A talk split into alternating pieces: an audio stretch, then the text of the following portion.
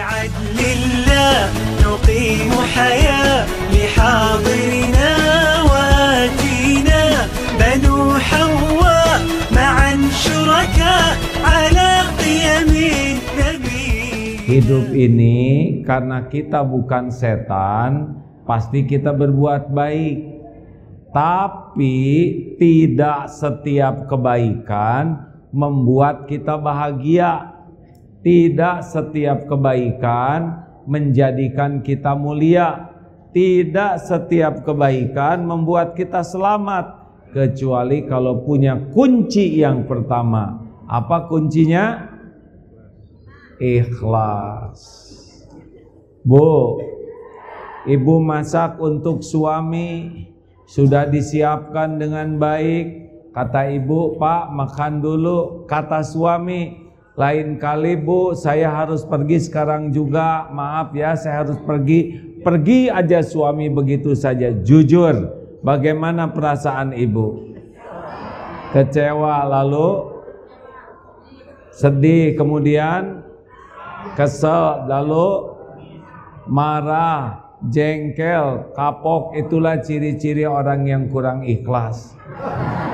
Dia berbuat baik, tapi dia jadi sedih, jadi kecewa, jadi sakit hati, jadi kapok. Penyebabnya adalah kurang kuncinya, yaitu kurang ikhlas. Jelas? Makanya maaf siapa pun yang sibuk berbuat baik tapi tidak tahu ilmu ikhlas, tidak berusaha ikhlas, maka kebaikannya tidak punya nilai. Yang pertama dihisab di akhirat itu mujahid. Dia berjuang sampai dia meninggal di medan perang dan dia mengakui ini lillahi ta'ala. Ketika dihisab, Allah berfirman kepadanya, Kadabta dusta kamu. Kamu berjuang bukan karena Allah, tapi ingin dipuji sebagai pemberani. Dan orang-orang sudah menyebut seperti itu. Di akhirat diseret, tertelungkup jadi ahli neraka. Tidak kurang berjuangnya, tidak kurang pengorbanannya, tidak kurang pengakuannya, yang kurang cuma satu, apanya? Hatinya lebih senang dipuji orang daripada dipuji Allah. Hasilnya dia tidak bisa masuk sorga. Yang kedua dihisab adalah orang yang belajar agama dan mendakwahkannya, belajar Quran dan membacanya. Ini yang kedua. Seperti yang kedua dihisab di kalau di Indonesia siapa? Ustadz Abdul Somad, Ustadz Adi Hidayat, para ustadz-ustadz yang lain lah ya. Pasti nyebut Agim ya. Saya mungkin yang kedua dihisab karena saya belajar agama dan mengajarkannya. Itu kelompok kedua. Ada yang ke sorga, ada yang tidak ke sorga. Ketika dilihatkan amal, apa yang kau lakukan? Saya belajar agama dan saya dakwah. Kadzabta dusta kamu bohong. Kamu belajar agama dan dakwah ingin disebut alim, orang yang berilmu. Kalau di kita mungkin ingin disebut ustad, ingin disebut kiai, ingin disebut dai dan sudah engkau dapatkan di dunia di akhirat di akhirat diseret dalam keadaan tertelungkup dimasukkan ke neraka. Nauzubillah. Tidak kurang ilmu agamanya, tidak kurang dalilnya, tidak kurang dakwahnya, tidak kurang Qur'annya, tidak kurang fasihnya, yang kurang cuma satu saja. Apanya? Hatinya. Tidak ikhlas, lebih senang dipuji orang daripada diterima oleh Allah. Makanya maaf, maaf. Sibuk pengajian, sibuk sholat, sibuk ngaji, sibuk umroh, sibuk saum, sibuk tahajud, sibuk ngapalin Quran, kalau tidak ikhlas tidak ada nilainya. Wah kalau gitu saya tidak akan ngaji, lebih jelek lagi. Ikhlas itu apa? Ikhlas itu surat apa Al-Ankabut 162 inna kul inna salati wa nusuki wa mahyaya wa mamati lillahi rabbil alamin katakanlah sesungguhnya solatku ibadahku hidupku dan matiku semata-mata karena Allah mencari keridhaan Allah Rabbul Alamin. Nah, mau tahu rahasianya ikhlas? Kalau tubuh itu seperti jantung, berdetak tiap saat, berdegup tiap waktu, tidak pernah sibuk menonjolkan diri. Yang suka menonjolkan diri itu ambeien, sakit. Makanya ibu-ibu yang centil teh sering sakit hati dibanding ibu-ibu yang biasa-biasa saja. Bapak-bapak yang overacting, ingin kelihatan hebat, ingin kelihatan keren, ingin menonjol diri sendiri, biasanya sakit hati. Yang suka menonjol tidak pada tempatnya tuh bisul, jerawat, ambeien, gak ada yang enak. Apalagi orang yang ikhlas bisa niru matahari hanya memberi tak harap kembali lakukan lupakan lakukan lakukan lupakan. Perlukah kita mengingat-ingat kebaikan kita? Jawab perlukah kita mengingat-ingat jasa baik kita kalau diingat-ingat jadi bahagia atau jadi kecewa Nah, udah tidak usah diingat-ingat jasa baik kita, ya. Perlukah kita menyebut-nyebut jasa baik kita?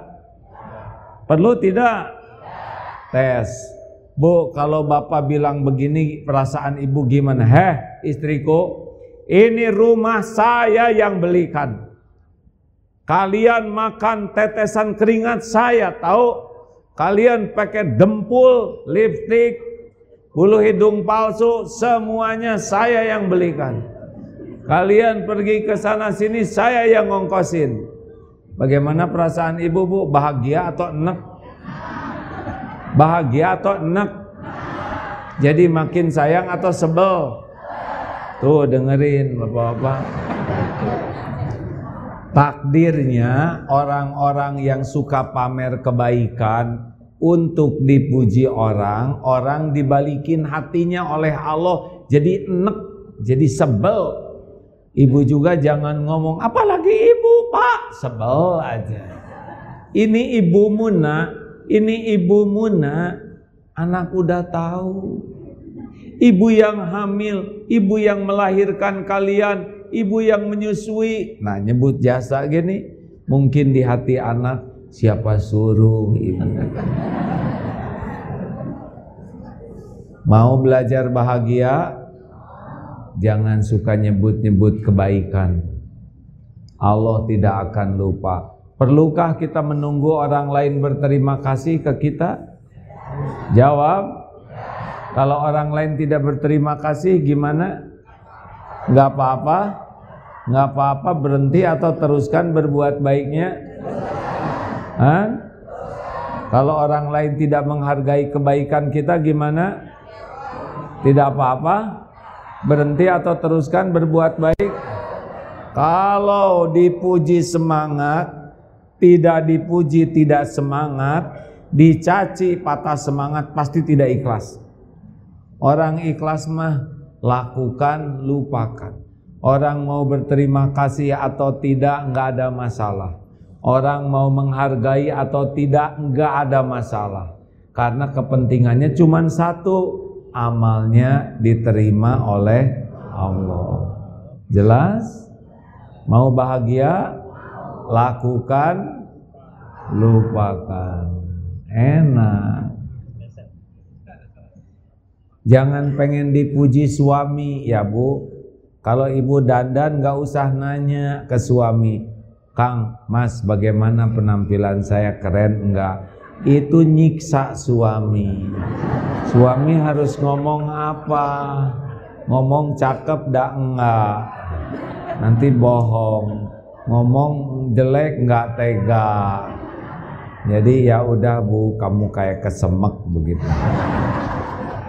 Makanya orang-orang yang paling capek dalam hidup ini adalah orang yang paling berharap kepada manusia. Kata Ali bin Abi Talib karamallahu wajhah, "Dzuktul mararati kullaha." Semua kepahitan sudah kurasakan seluruhnya. Falam ajid amarra minal hajati ilan nas dan tidak ada yang lebih pahit dalam hidup ini selain berharapnya hati kepada manusia. Makin banyak berharap dari manusia, makin sering sakit. Mau bahagia? Mau bahagia? Lepas berharap ke makhluk, hanya berharap ke Allah. Hmm. Jangan terlalu cinta bu sama suami Sebab suami ibu belum tentu Bukan belum tentu cinta Belum tentu panjang umur.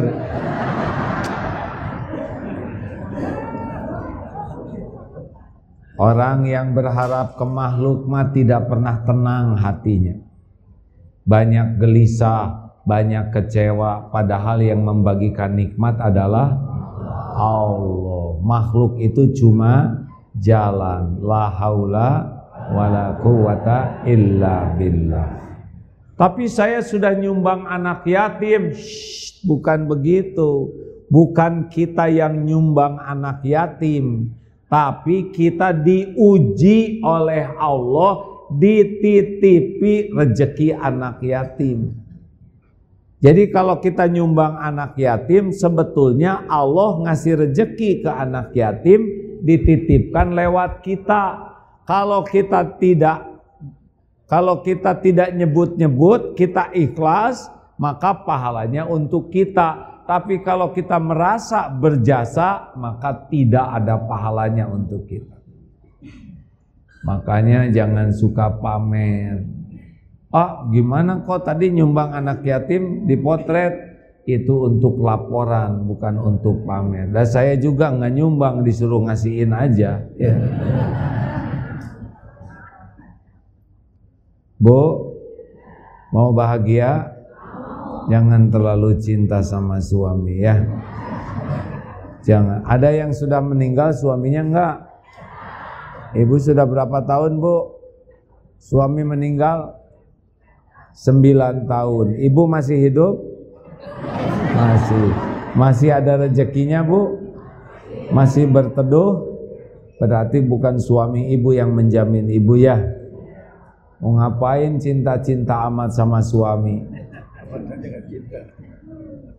Pak, Bapak, jangan terlalu takut ke istri ya. Bedanya kalau wanita berharap ke suami, kalau suami penyakitnya takut sama istri. Kan pernah tuh ada kalau orang menikah, orang berdatangan salaman dan mendoakan. Tapi kalau singa menikah, binatang lain tidak boleh mendekat. Eh tiba-tiba kucing mendekat. Singa marah, tapi kata kucing, jangan dulu marah singa. Saya harus ngomong apa? Terus kucing bicara langsung singa pucat. Apa coba kata kucing? Hei singa jangan sombong kamu ya. Saya ini dulunya singa tapi sesudah nikah jadi kucing jelas meng pus jelas nggak pus Di kantor kita garang pulang ke rumah, eong, eong. Kalau lelaki takut istri, dia cuma baiknya ketika di depan istri. Kalau lelaki takut ke Allah, di mana pun dia jadi orang baik. Makanya jangan bangga kalau punya suami takut ke ibu. Dia tuh baiknya di depan ibu aja, di belakang lincah. Betul Pak? Ngaku dia.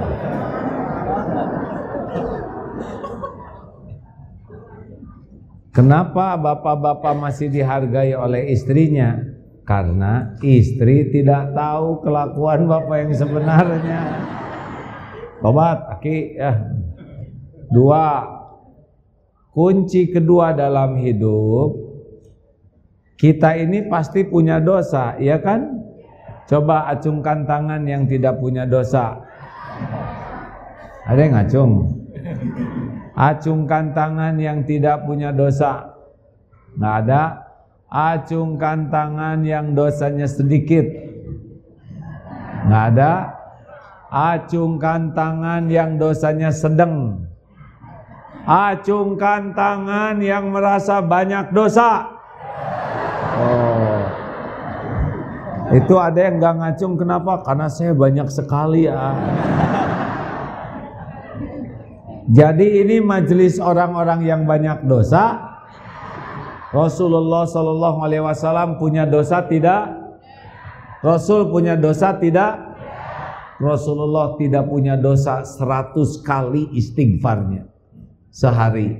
Ini yang banyak sekali dosanya berapa kali? Itulah masalah kita. Kita ini kurang istighfar. Naik mobil, kaca kotor dan semakin kotor. Tenang tidak di dalam mobilnya?